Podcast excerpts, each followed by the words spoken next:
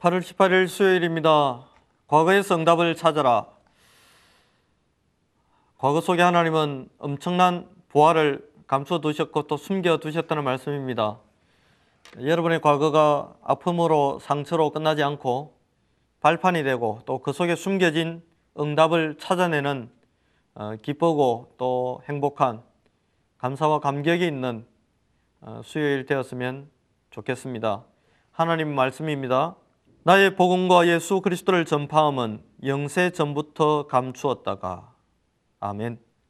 우리는 과거 속에서 모든 응답을 찾아내어야 하고 찾아낼 수 있습니다.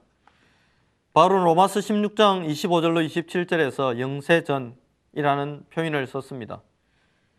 영세전에 없었던 것이 아니고 감추어 두었던 것을 이제는 나타내신 바 되었다고 표현하고 있습니다. 과거 속에 이처럼 하나님은 엄청난 보화를, 응답을 숨겨 놓으셨습니다. 과거 문제가 상처로 남아서는 그래서 안 됩니다. 그것을 후대에 넘기는 것은 참으로 어리석은 일입니다. 하나님께서는 우리와 지금 함께하고 계시고 우리는 최고의 능력인 복음을 가지고 있기에 아무것도 두려워하지 말고 강하고 담대하게 나아가야 합니다. 하나님께서 복음을 가진 우리에게 완벽한 일생을 책임질 응답을 이미 주셨습니다. 하나님이 세상 끝날까지 우리와 함께 하시겠다는 것입니다. 우리가 회복해야 될 믿음이 있습니다. 우리는 어떤 믿음을 회복해야 합니까? 첫 번째, 하나님의 계획입니다. 하나님은 개인을 향한 시대를 향한 놀라운 계획이 있습니다. 저와 여러분이 조선 시대에 태어났다면 어떠했겠습니까? 고구려 시대에 태어났다면 어떻겠습니까?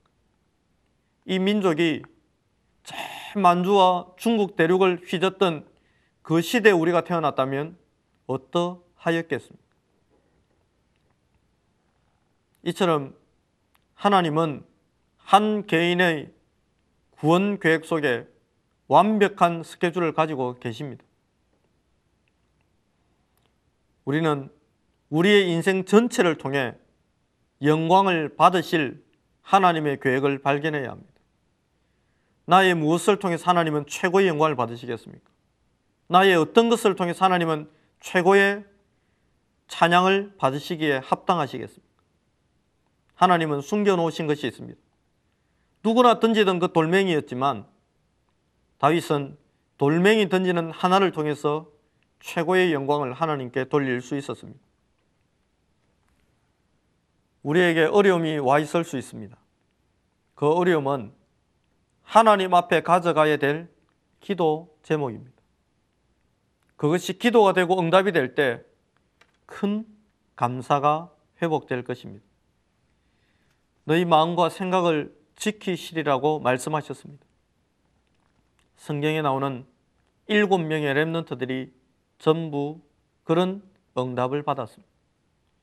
일곱 명의 랩런트는 시련을 넘어선 것이 아니고 시련 속에 철저한 고통을 당했지만 그 속에 숨겨진 하나님의 이면 계획을 발견했습니다.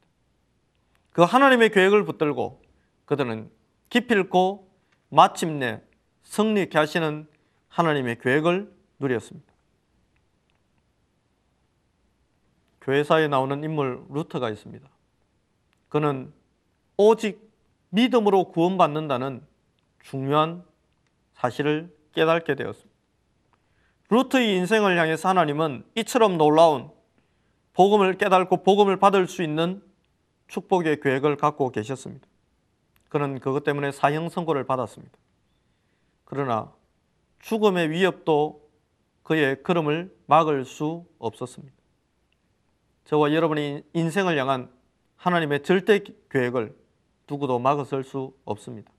두 번째, 영세전에 감추어졌던 것입니다. 하나님은 우리를 위해 영세전부터 감추어 두신 계획이 있습니다. 바로 그 계획은 그리스도입니다. 여인의 후손입니다. 그 여인의 후손이 뱀의 머리를 상하게 할 것이라고 했습니다. 6월절 어린 양의 피입니다. 동정녀를 통한 탄생입니다. 그리스도를 우리에게 주시겠다는 하나님의 계획이 영세 전부터 있던 절대 계획입니다. 이 영세전에 감추었던 계획이 놀랍게도 지금 저와 여러분에게 오픈이 되었습니다. 이 최고의 언약이 지금 저와 여러분의 귀에 들려졌습니다. 그리고 이 최고의 언약인 그리스도가 지금 저와 여러분의 삶에 함께 하고 계시고 하늘과 땅의 권세를 가지고 우리의 구원을 이루어 가시고 이 구원을 또 다른 사람에게 확산시키는 전도의 일을 완성해 가고 계십니다. 세 번째 더 큰 사명입니다. 요셉이 애굽에서 어떻게 먹고 살 것인가 고민하고 있었다면 모세가 어떻게 하면 바로 왕궁에서 호의호식할 수 있을 것인가를 고민하였다면 그들의 인생이 어떻게 되었을까요? 비록 입양하였지만 비록 팔려간 노예였지만 비록 압제당하는 이스라엘 현실 속에 있었지만 모세도 요셉도 다윗도 그 속에서 큰 사명을 발견했습니다. 애굽, 아수르, 바벨론, 블레셋 이들이 발견했던 이 더 큰 사명, 더 큰 언약 바울이 로마를 바라보며 하나님 안에서 발견했던 큰 사명